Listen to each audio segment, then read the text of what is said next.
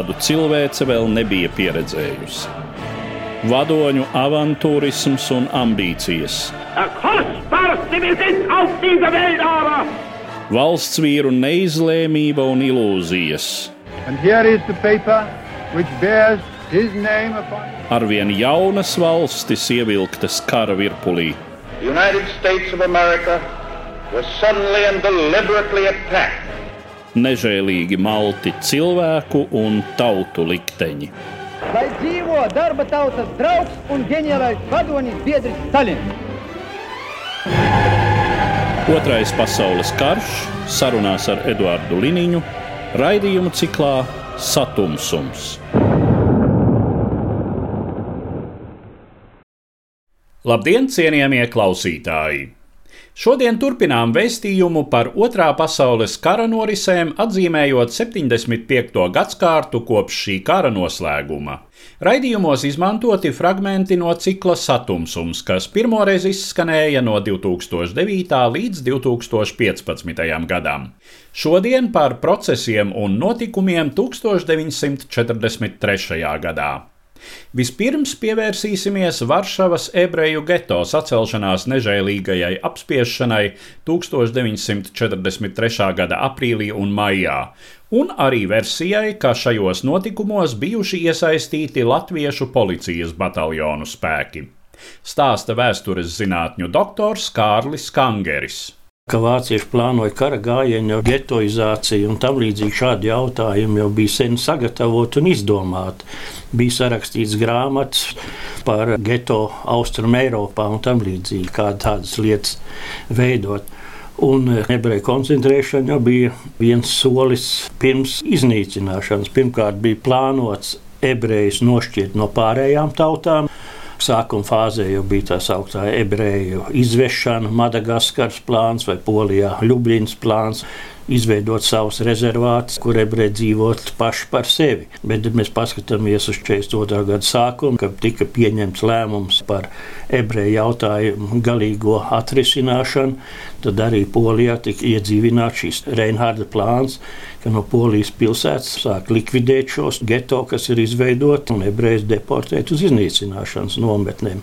Varbūt sākotnēji tas nebija plānots, bet 42. gada sākumā, kad tas jautājums bija izšķirts, tad tas nozīmē, ka getoizācija arī bija daļa no ebreju iznīcināšanas plāna. 42. gadā, kad no augusta līdz oktobrim kāds 300 tūkstoši ebreju deportēja uz Treblinkas koncentrācijas nometni uz iznīcināšanu, tad skaidrs, ka kaut kādā pamazām šīs ziņas izplatījās, tad ebreji paši to apzinājās. Un e, doma bija, vai nu jāmirst šā vai tā, tad labāk mirst godu, pretoties un sacelties. Geto vēl pastāvēja fabrikas, vēl vācu rūpniecības, kurās strādāja daudziem tūkstošiem ebreju. Vēl dzīvoja daudz tūkstoši un tam līdzīgi. Ja mēs apstāmies sacelšanās bilanci, ka 58,000 ebreju vai nu izvest vai nogalināt, tad redzam, ka skaits bija tomēr ievērojams. Un 43. E, gada janvārī bija paredzēts sākt ebreju deportēšanu atkal tālāk ārā no Varšavas. Un parādījās ebreju pretestība dažās dienās, un vācieši toreiz to saukto deportāciju pārtrauca. Un, ja mēs palasām ziņojumus un atsliecinieku izdzīvojušo liecības, tad sāka vākt ieročus, paši gatavot munīciju un tam līdzīgi. Tā kā bija sagatavojušies pretoties visiem iespējamiem līdzekļiem. Likvidācija notiks ar 20. aprīli un 16. māju 43. gadā. Tas apmēram ilga veselu mēnesi vāciešiem, lai geto iztīrītu. Un pēdējā dienā, kad viss bija izdarīts, tad ziņoja, ka vairs neviena ebreja nav un nevienas mājas nav. Tā kā sacelšanās apspiešana notika ar vislielāko brutalitāti. Ja mēs palasām literatūru, arī ir seriozas grāmatas, tad tur ir apgalvojumi, ka latvieši arī piedalījušies geto apspiešanā. Šo jautājumu savā laikā, 2000. gadu vēsturnieku komisijas ietvaros, iznāks pētīt. Skat bija arī Vācijā, Hamburgas tiesā, tiesas arhīvā. Tur arī bija prāvas par geto likvidēšanu un tam līdzīgi. Un literatūrā tiek minēts, ka Pirmo reizi, kad gribēja vācieši likvidēt geto 43. gada janvārī, latvieši, lietuvieši, ukraiņi ielenkuši geto, lai nosprostotu izbēgšanas iespējas. Tāpat šādas ziņas arī parādās par 43. gada aprīli, kad sāk šo geto sacelšanās likvidēšanu, ka it kā atkal latvieši, ukraiņi vai arī lietuvieši esot šo geto ielenkuši. Tāpat pāris liecinieki pēc kara liecinājuši, ka tur latvieši arī piedalījušies ebreju sacelšanās likvidēšanas akcijā. Bet, ja mēs paskatāmies geto akcijas likvidētāju štropa ikdienas ziņojums, tad tur ir skaidri uzskaitīti spēki, kādi piedalījās gan perimetra apsargāšanā, gan iekšā geto gāja cīnīties ar ebrejiem. Un no šiem sarakstiem nekur neparādās latviešu nekādas vienības. Tur jau arī Strops ievadā pat uzskaita visus kritušos un ievainotos. Tur ir gan poļi, gan visādi travņi, gan citādi, bet tur mēs nevienu latviešu neatrodam. Ja mēs paskatāmies gadu atpakaļ, tad ir skaidri dokumenti redzami, ka Berlīna pieprasa, ka latvieši 22. un 272. bataljons tiek sūtīts uz Varšavu. 272. bataljons galvenokārt tika iedalīts geto žoga apsargāšanā, bet 22. bataljonu izmantoja vismaz divas rotas no 22. bataljona transporta konvejēšanai no Varšavas uz Treblinku. Katru dienu veda ebrejus līdz 6000 dienā uz Treblinku. Nevar īsti to pierādīt, bet pateikt, ka arī daļai viņiem bija jāpiedalās ebreju sadzīšanā vagonos. Viņi no pilsētas dzina, un tad tas ceļš viens sašaurinājās līdz vagoniem, jā, un tad bija viņi jāiedzen vagonos. Un notika diezgan tāda brutāli, bet ir, cik zināms, arī daļēji latviešiem bija jāpiedalās tajā iekāpšanas procedūrā. Ja sakarā 43. gadu figurē latviešu vārds, tad tas man tā liekas nāks no poļu pretestības kustības avotiem. Jo ir tādi ziņojumi, ko arī publicēja jau 43. gadā Polijas eksīla valdība Londonā, ka 43. gada janvārī, kad gribēja pirmo reizi sākt deportēšanu, ka latvieši, lietuvieši vai ukrāņi vai latvieši un ukrāņi ielēns. Tāpat 43. gada aprīlī ir tāds pats ziņojums. Bet es pieņemu, ka šis ziņojums vienkārši nav tuvāk papētījuši. Viņi pieņem varbūt tā kā 42. gadā, kad tur bija latvieši apsargāja geto perifēriju, žogu un tam līdzīgi. Man tāds iespējas, ka tas ziņojumos vienkārši tā ierakstīts. Tas bija iepriekš tā, ka pieņem, ka tā tagad ir. Ja mēs paskatāmies vēstures rakstību, tad ir autori, kas izmanto šos dokumentus, un ir autori, kas neizmanto, kas vairāk vai mazāk paļaujas uz vācu datiem. Un tad ir mutiskās liecības, kas ir dotas pēc kara. Tas atkal ir tāds vērtējums, vai pieiet no postmodernismu viedokļa, ka katrs izteikums ir patiess, vai arī skatās savādāk, izvērtē avotu kritiski. Un daudz, daudz izteicienu es esmu pētījis uz Vācijas tiesas arhīvu un tam līdzīgi ir. Un tur arī savāktas liecības, kas ir krātas 40. gadu beigās Vācijā, Londonā, Amerikā un visur ebreju kopienā. Un, teiksim, ir tāda zināma dilema varbūt dažiem pētniekiem. Vienu uzskata, ka tās ir patiesas un jāņem vērā kā neapstrīdams avots, citi atkal uzskata, ka nē, ka būs mums jāskatās un jāmeklē pēc avotu kritikas principiem iespējamā patiesība un avoti, kas ir pretrunā ar avotu kritikas principiem, tos tad varētu noraidīt. Tāpat ar šodien mums nav tikai ebreju jautājumā, bet arī ar Krievijas vēstures jautājumiem. Ir, ka viņi publicē un aizstāv to viedokli, ka visas ārkārtas komisijas un padomu laikā paustais ir patiesība neskatoties uz avotu kritiku vai tam līdzīgi, vai šādi dokumenti būtu izmantojami vai nebūtu izmantojami. Un es domāju, ka Latvijas un Krievijas vēsturniekiem mēs netiksim skaidrībā. Kamēr viena puse, respektīvi Krievija puse, uzskatīs, ka visi padomu avoti ir patiesi. 1943. gada otrā puse, laiks pēc Kurskas kaujas, bija ļoti nozīmīgs cīņas iznākumam Otrā pasaules kara padomju Vācu frontē. Stāsta Latvijas Nacionālās aizsardzības akadēmijas pētnieks Valdis Kusmins. Šis periods ir ļoti īpatnējs, jo, ja mēs skatāmies uz Otrā pasaules kara militāro vēsturi, tad vienmēr ir vēlme izcelt kādu izšķirošo pagrieziena punktu. Vai tā bija Maskavas kauja, Staļingradas kauja, Kurskas kauja, Pēlhārbora, Normandija. Taču šī kara darbība nebija tāds brīdis, ka viena kauja 19. gadsimta stilā, kas pilnībā visu izmainīja Terlo stilā, un pēc tam jau viss notika neatgriezeniski. Un tieši 43. gada beigu un 44. gada sākuma kaujas ir tās, kuras varētu raksturot ar austrumu frontes elli. Šī kara darbība abām pusēm sarežģītos klimatiskos apstākļos, kur nav viena liela izšķiroša operācija, bet ir vairāki viens otram sekojoši strateģiski uzbrukumi, kas lēnām spiež Vācijas bruņotos spēkus ārā no viņa iekarotās Padomju Savienības teritorijas un tajā pašā laikā novājina Vācijas bruņotos spēkus. Tas bija tas, ko Pirmā pasaules karā sauc par tādu kā materiāla karu, kad viena puse mēģina otru pusi pēc iespējas vairāk novājināt. Lai gan, protams, sarkanā armija nezaudēja cerības, jo paša gatavošanās Kurskas kaujai 1943. gada maijā, jūnijā un vēl Kurskas kaujas laikā jūlijā paredzēja izšķirošu triecienu. Līdz mēs panāksim lielo caurāvumu, atkal būs lielie ielēkumi un līdz rudenim tiksim, ja ne līdz Berlīnai, tad vismaz atbrīvosim Padomju Savienības teritoriju. Šie plāni neīstenojās, taču viņi spēja ilgstošā laika periodā lēnām šos Vācijas bruņotos spēkus, ja tā varētu teikt, samalt. Sarkanajai armijai radās iespēja savas rezerves papildināt. Savukārt Vācijas bruņotajiem spēkiem gan zuda cilvēku rezerves, gan arī zuda kara tehnikas rezerves un arī militāro resursu rezerves.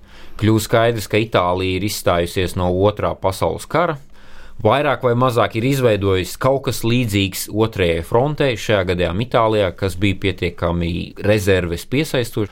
Savukārt sarkanai armijai radās iespēja savus rezerves papildināt. 43. gada beigās atbrīvojot Padomju Savienības teritoriju. Tas tāds pieņemts mīts, ka nacisti bija iznīcinājuši visus Padomju Savienības iedzīvotājus.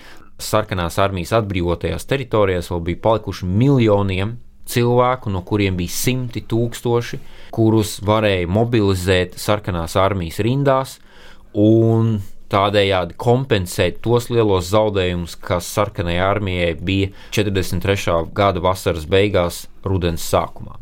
Diskusija par to, cik nozīmīgs Padomju Savienības kara darbības īstenošanai un sarkanās armijas kaujas spēja, cik liela nozīme bija tās augtajai Lenlīzes sūtījumiem, ir vienmēr tāds ļoti karsts diskusiju objekts gan Padomju Savienības beigu posmā, gan tagad Krievijā, gan visur citur pasaulē, kur ļoti sarežģīti ir sarēķināti. Ir vairāki punkti, kur Lenlīzes sūtījumi bija principiāli izšķiroši, piemēram, lokomotīvas kuras Padomju Savienība sākoties Otrajam pasaules karam, 41. un 42. gadā zaudējumi bija katastrofāli lai atjaunotu dzelzceļa pārvadājumus no ASV sūtītās lokomotīvas. Es tagad precīzi neatceros ciprus, bet mēs šeit runājam par vairāk nekā 50% un uz augšu līdz 60 un 80%.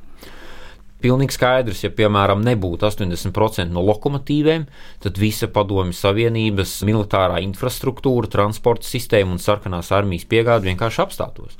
Ko nu, mūsdienu Krievija arī uzsver, nu, ja mums nesūtītu šīs lokomotīvas, mēs viņus ražotu paši. Iespējas ražot bija, bet tad uzreiz ir nākamais pretarguments. Ja jūs ražot lokomotīvus, tad jūs nevarat saražot tik daudz T-34 tankus, cik jūs viņus finālā saražojāt. Ieguldījums bija nomērīt viņu diezgan sarežģīti. Protams, mēs zinām visprecīzākos rietumu sabiedroto palīdzības piemērus. Piemēram, Studebekera smagās automašīnas, uz kurām tika montētas slavenās kaķušas reaktīvās sistēmas. Tātad seši riteņi, pilnpiedziņas, smagās automašīnas, tonāža, ko viņi varēja pārvest, bija reizes lielāka nekā Padomju Savienībā ražotajām mašīnām. Un Studebekera brauca, viņi dubļos negrim, kas bija ļoti aktuāli rudenī. 43. gada beigās, 44. gada sākumā. Tas ir tāds klasisks piemērs. Protams, ir zināms arī skaitlis, cik tur tie desmit tūkstoši studijbekera automašīnas tika piegādātas, tad, protams, cik tas bija nozīmīgi un ko darīt, ja nebūtu. Šī palīdzība bija, Viņa bija ļoti nozīmīga, bet ir ļoti grūti apgalvot, ja nebūtu bijusi palīdzība, tad Padomju Savienība būtu zaudējusi Otro pasaules karu. Par šo kara posmu austrumu frontē ir arī tāds atzinums, ka tas ir brīdis, kad Vācija mēģina pāriet uz tādu pozīciju karu. Šis drīzāk būtu tas apgalvojums, ko viens no autoriem slavenākajiem ir Eriks von Manšteins, kas šajā laika posmā bija armija grupas dienvidī. Komandieris tieši tās armija grupas, kur kustība bija visstraujākā. Beidzoties Kurskas kaujai sākas atkāpšanās, no austrumu Ukrainas stepēm līdz Dņepras upei, pēc tam kauja par Kievu un pēc tam praktiski visas Ukrainas teritorijas zaudēšana līdz 44. gada martam. Eriks von Manšteins savos memoāros ir minējis šo Hitlera turēšanās par katru cenu stratēģiju, kas Manšteina prāt ir nepieņemama un nepareiza ka drīzāk būtu jāturpina manevrēt līdzīgi kā Manšteina vadītā armija grupa Dienvidi manevrēja 43. gada janvārī, februārī ar ļoti lieliem panākumiem. Un divu tādu strateģisku ideju cīņa, Manšteina manevru karš un Hitlera turēšanās par katru cenu, un parasti kāpēc mums būtu jātur šī tukšā teritorija. Bet šajā gadījumā ne tik daudz, lai aizstāvētu Hitleru, bet lai sniegtu priekšstatu, ka šī diskusija nebūtu nav tik viennozīmīgi, ir tas, ka Hitlers, grūti spriest, cik viņš par to zināja, bet ja mēs skatāmies uz sarkano armiju, ja Vācijas bruņotajiem spēkiem būtu izdevies noturēt to frontes līniju bez atkāpšanās, kāda tā bija sākoties Kurskas kaujai 43. gada jūlijā, ar tiem zaudējumiem, kādus sarkanā armija cieta nākamajos trijos, piecos, sešos mēnešos apmēram, sarkanās armijas cilvēku rezerves būtu nonākušas līdz kritiskai robežai. To raksta arī sarkanās armijas karavīri un komandieri savos memoāros, savās atmiņās, kur ir redzams, ka izlases gvardes vienības vēl aizvien ir komplektētas no Padomjas Savienības Eiropas daļas iedzīvotājiem. Tad tādas parastās strelnieku vienības jau sāk dominēt Vidusāzijas Padomjas Savienības daļas iedzīvotāji, kur vispār nesaprot krievu valodu. Mēs šeit varam, protams, diskutēt, cik viņi grib vai negrib karot, par ko viņi karo, bet viņi vienkārši nesaprot krievu valodu. Un zaudējumi bija tik lieli skaitliski. Trijos mēnešos pēc Kurskas kauja sarkanā armija pēc oficiāliem datiem zaudēja 2,8 miljonus cilvēku, no kuriem apmēram 800-900 tūkstoši bija kritušie, bezvēst pazudušie un 2 miljoni ievainoti. Tas ir vairāk nekā viņi zaudēja trijos mēnešos 41. gadā, jūnijā, jūlijā, augustā. Un šie ievainotie, lai gan ir cerība, ka viņi drīz atgriezīsies, viņi ir jābaro, viņi jānogādā aizmugurē, un viņi nav kaujas spējīgi. Un tas, ka sākās atkāpšanās, tur nebija tik svarīgi Dņeprohesa atjaunošana vai alumīnija ražošana, tur vai derīgie izrakteņi Dienvidu Ukrainā vai Donbasa ogļu baseins. To visu varēja risināt kaut vai ar Lenlīs jautājumiem nepieciešamība pēc mobilizētajiem jauniešiem šo nevarēja Lenlīs jautājumu atrisināt, un tās iespējas bija ļoti ierobežotas. Un tas, ka sarkanā armija virzījās uz priekšu, un ir arī ļoti detalizēti apraksti par to, kā atbrīvotajā Ukraiņas teritorijā, ieejot vienā ciematā, uzreiz visi ciema vīrieši vecumā no 18 līdz neierobežotam praktiski vecumam, ja tu esi spējīgs kustēties un to darīt, tiek momentāli mobilizēti tajā vienībā, kas atrodas kaujās, un tā arī bez formas tērpiem dodas kaujās, viņam arī bija speciāls nosaukums. Černa rubašičņiki, melnie krekli, kas vienkārši tādās civilās drēbēs, kā viņi ir, tā viņi arī dodas kaujā. Viņi nebija nospiedošais vairākums, bet viņu pieejamība kritiskos brīžos bija nereti izšķiroša. Manšteins to varēja arī nezināt, Hitlers to arī nezināt, bet sarkanās armijas spēja cilvēku resursu izējas materiāli, lai cik cīniski tas neizklausītos, atjaunošanā bija ļoti izšķiroša. No 1943. gada 28. novembra līdz 1. decembrim risinājās notikums, kas nozīmīgi ietekmēja Eiropas likteņus laikposmā pēc Otrā pasaules kara. Tā bija trīs nozīmīgāko antihitleriskās koalīcijas lielvalstu - Amerikas Savienoto Valstu, Britu impērijas un Padomju Savienības līderu pirmā klātienes tikšanās. Franklins Delano Roosevelts, Winstons Čērčils un Josifs Staļins sastapās tobrīd padomju un britu spēku okupētās Irānas galvaspilsētā Teherānā stāsta Latvijas Universitātes vēstures un filozofijas fakultātes profesors Inesis Feldmanis. Teherāna bija pirmā tikšanās reize, pirmā galvoņa konference, kurā arī mēģināja šos uzskatus par to, kādai jāizskatās pasaulē pēc otrā pasaules kara saskaņot, un reizē arī saskaņot vēl aktuālākus plānus, kas saistās ar Naciskās Vācijas sagrāvis pabeigšanu. Protams, līdz tam vēl bija ejams tāls ceļš. Staļins izvirzīja kā tikšanās vietu Teherānu. Viņš oficiālajā sarakstē to pamatoja tādējādi, ka viņš ir sarkanās armijas virspaļnieks, un eh, līdz ar to viņš nedrīkst atrasties ļoti tālu no savas teritorijas. Viņam ir vienmēr jāuztur sakara ar padomu ģenerālu štabu, jādod rīkojumi, jāuzklausa radušās problēmas, bet vēstures citurā vēlāk tiek izvirzīti daudz citi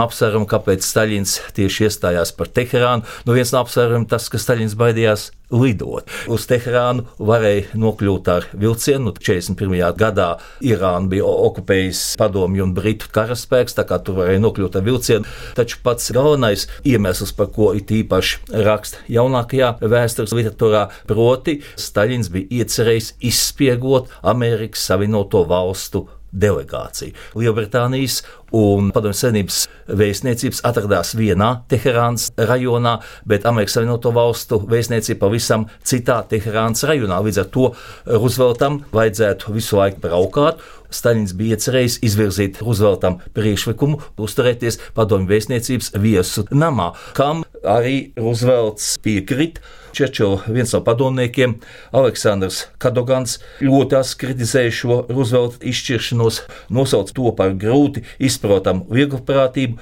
jo gandrīz simtprocentīgi bija pārliecināts, ka Krievi noklausījās visas amerikāņu delegācijas personiskās sarunas. Pirms Teherānas konferences eh, notika vairākas citas šīs sagatavošanas konferences. Varētu minēt Maskavas konferenci, kur tikās visu triju lielvalstu ārlietu ministri. Tika aplūkot jautājumi, kas skāra pēckara starptautisko kārtību, un jau Maskavas konferencē Lielbritānijas un ASV vadītāji no jauna apstiprināja savu gatavību atklāt Francijā otro fronti, īstenot tā saukto operāciju Overlord. Tas bija ļoti svarīgi toreiz Padomju Savienībai. Šīs konferences laikā notika saruna starp Britu ārlietu ministru Antoniju Īdenu un Staļinu. Un šajā sarunā Staļins vaisirdīgi atzina, ka Padomju Savienība vairs nav spējīga veikt pret vāciešiem plašas operācijas, ja daļa no vāciešu militāriem spēkiem netiek iesaistīta militārās operācijās rietumos. Maskavas konferencē tika atzīta PSRS īstenotā Baltijas valstu aneksija. Aneksija tika atzīta de facto. Un amerikāņu valsts sekretāram Korderam Helam, kad viņš devās uz Maskavu, Roosevelts izklāstīja savu nostāju, un šī Roosevelta nostāja faktiski tiek citēta katrā darbā, kurā ir izsnāts šis jautājums. Un proti, Roosevelts teica viņam šādus vārdus, kas attiecās uz Baltijas valstīm. Tad, ja es satiktu Staļinu, es apavētu ar augstu morāli.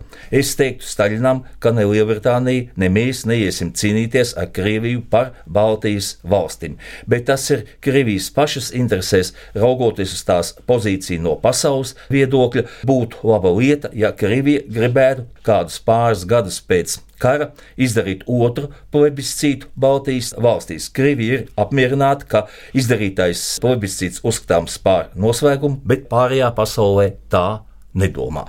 Mēs pārējām pie pašas Teherānas konferences. Pirmā jautājuma kopa neapšaubāmi ir militāri strateģiskie jautājumi. Tā sauktās otrās frontes atklāšana Ziemeļ Francijā vai arī kādā citā Eiropas vietā.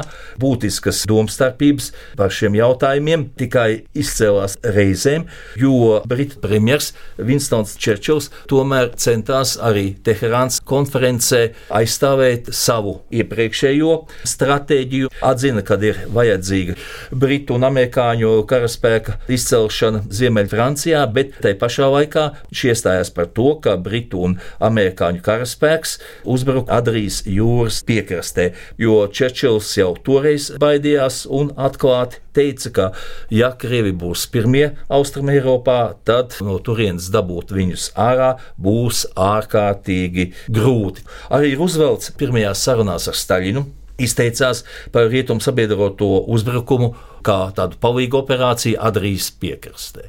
Bet, kad viņš jūta, ka šo variantu neatbalsta Staļins, viņš atteicās no atbalsta Čerčilam un gala rezultātā tikai Teherānas konferencē nolemts, ka šo operāciju Overlord, šo izcelšanu no Ziemeļfrancijā īstenos 1944. gada maijā, bet vienlaikus kā tādu palīgu operāciju Britu un Amerikāņu karaspēks īstenos citu operāciju, restīvi iebruks Dienvidfrancijā. Cits ļoti interesants jautājums, proti tika apspriesti vairāki vācu jautājumu aspekti. 1943. gada 29 novembra vakarā sēdē Staļins ļoti asi uzbruka Čerčilam un pārmet viņam, ka Čerčils vēloties nodrošināt Vācijai saudzīgu mieru. Pēc tam padomju diktors Piepešs nosauc viņa prātā divus galvenos pasākumus, kuri būtu nākotnē jāīsteno, lai varētu sabiedrotie stabili kontrolēt Vāciju. Proti, vajadzētu apmēram 4 miljonus vāciešu uz nenoteiktu laiku nosūtīt uz Padomu Savienību spaida darbos. Otrs pasākums viņš ierosināja, ka vajadzētu nošaut mazākais 50 tūkstoši vai pat visus 100 tūkstoši vācu virsnieku, jo tieši vācu virsnieki ir tie, kas veido un nosaka naciskās armijas spēku. Izdzirdot šādu Staļina priekšlikumu, Britu premjerministrs Vinstons Čerčils ļoti apskaitās un Staļinam teica: Es būtu ar mieru, lai man paši tūlīt izvestu dārzā un nošautu, nekā piekrist tādu aptraipīt savu un savas valsts godu amerikāņu prezidents Roosevelts centās visu pārvērst par joku. Viņš teica, ka vajagot nošaut nevis 50 tūkstoši, pietiks, ja nošausim 49 tūkstošus. Arī Staļins pēc ļoti asās Čerčila reakcijas apgalvoja, ka viņš ir vienkārši jokojis, taču, ja palasam Čerčila memoārus, Čerčils apgalvo, ka tas nebija joks, bet aiz šiem Staļina vārdiem slēpās pavisam nopietni nolūki. Un pēdējā sēdē, kas notika 1943. gada 1. decembrī, Roosevelts izvirzīja savu plānu, kas paredzēja Vāciju sadalīt piecās daļās, un vēl no vairākām Vācijas teritorijām izveidot eh, starptautiskā mandāta apgabalus. Piemēram, starptautiskā mandāta apgabaliem bija jākļūst Ķīlei, Ķīles kanālam, Hamburgai, kā arī Rūrai un Zārai. Čerčils aizstāvēja citu Vācijas sadalīšanas variantu. Viņš iestājās par Prūsijas izolēšanu, kā arī iestājas par Bavārijas, Virtembergas, Falcas, Saksijas un Bādens iekļaušanu tā sauktajā Donavas federācijā. Staļins par labāku atzina Roosevelta izvirzīto plānu, jo tā viņa prāt būtu tāda iespēja vāciešus novainot uz ilgstošāku laiku, taču nekāds lēmums Teherānas konferencē par šo jautājumu pieņemts netika. Teherānas konferencē ļoti liela nozīme ir poļu jautājumam. Gan Roosevelts, gan Čerčils izteica cerību, ka padomju valdība, ka Staļins eh, sāks eh, sarunas par to, lai atjaunotu attiecības ar eh, tā saukto poļu emigrācijas valdība Londonā, ar kuru Maskava bija attiecības sarausi 1943. gada pavasarī, kad Vācija atklāja un darīja pasaules sabiedrībai zinām, ka Padomju Savienība bija nosefkojuši vairākus tūkstošus poļu katiņas mežā netālu no Smoļenskas. Staļins Rooseveltam un Čerčilam liekulīgi paziņoja, ka poļu valdība, kas atradās Londonā, ir pievienojusies nacistiem apmeloņu kampaņā sakarā ar Katiņu, un līdz ar to viņš negrasās neko darīt, lai atjaunotu ar šo valdību attiecības. Jāsaka, ka vēsturē šādai liekulībai un meliem laikam ir diezgan grūti atrast kādu precedentu. Čerčils Teherānas konferencē izklāstīja savu ideju, kā būtu jāveido polijas robežas pēc kara jāvirza uz rietumiem, lai atrisinātu vienu no galvenajiem jautājumiem, proti, jānodrošina padomju rietumu robežas. Nu, jāsaka, ka arī Roosevelts piekrita šādam variantam, ka Vācijas rietumu robežas turpmāk varētu iet par Odēras upi, diezgan plašas Vācijas teritorijas tiktu atdotas Polijai. Tā pašā laikā tās Polijas austrumu teritorijas, kuras Padomju Savienība ieguva 39. gada septembrī, piedaloties kopā ar Nacisko Vāciju polijas sagrāvē, paliktu Padomju Savienības sastāvā. Šis risinājums bija ļoti izdevīgs Staļinam, jo faktiski attiecībā uz PSRS un Polijas robežu rietumu valstu līderi akceptēja to variantu, kas savā laikā atspoguļojas Molotova-Ribbentropa paktā. Baltijas jautājums tika skārts, bet tā neoficiāli Staļina un Roosevelta neoficiālā sarunā 1. decembra pēcpusdienā. Tas ir pašā Teherānas konferences noslēgumā. Šīs sarunas laikā Roosevelts it kā jokojot pateica, ka viņš nav gatavs pieteikt karu Padomju Savienībai, ja Padomju Savienība no jauna okupēs Latviju, Lietuvu un Igauniju. Tā pašā laikā viņš arī norādīja, ka Amerikas Savienoto Valstu sabiedriskā doma tomēr vēlas, lai Baltijas valstu iedzīvotājiem vēlreiz tiktu dota iespēja izteikt savu gribu. Staļins, jāsaka, atbildēja ļoti pašpārliecināti, ciniski. Viņš saprata, ka par to, ka Baltija paliks Padomju Savienības sastāvā pēc otrā pasaules kara beigām, par to viņam nav jāuztraucās. Viņš norādīja, ka viņa prāt amerikāņi nesot par notikušo Baltijā pareizi informēti, un līdz ar to problēma, kura prezidentam Rooseveltam ir izvirzījusies sakarā ar Baltijas valsts aneksiju, ir jāatrisina pašam Rooseveltam jādod Staļina prāt tāda adekvātāka informācija par to, kas notika 1940. gadā Baltijā. Līdz ar to izskan mūsu raidījums, kas bija veltīts Otrā pasaules kara norisēm. Konkrētāk, vairākiem būtiskiem procesiem 1943. gadā. Dzirdējāt vēsturniekus Latvijas Universitātes vēstures un filozofijas fakultātes profesoru Inesi Feldmani, vēstures zinātņu doktoru Kārli Kangeri un Latvijas Nacionālās aizsardzības akadēmijas pētnieku Valdi Kuzminu. Uz redzēšanos, cienījamie klausītāji! Raidījumā šīs dienas acīm cikls Satumsums - sarunas par Otro pasaules karu.